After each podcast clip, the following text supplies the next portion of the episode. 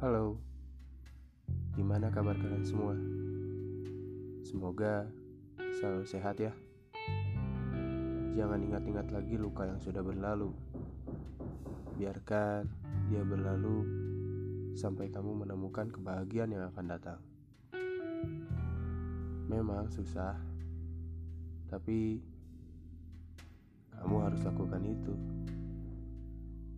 Semangat ya!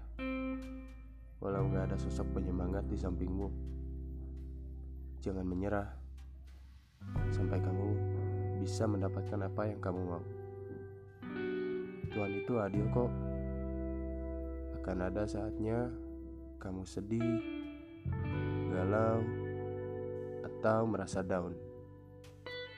Tapi suatu saat nanti kamu akan mendapatkan kebahagiaan yang lebih. Karena kamu telah berhasil melewati rintangan tersebut.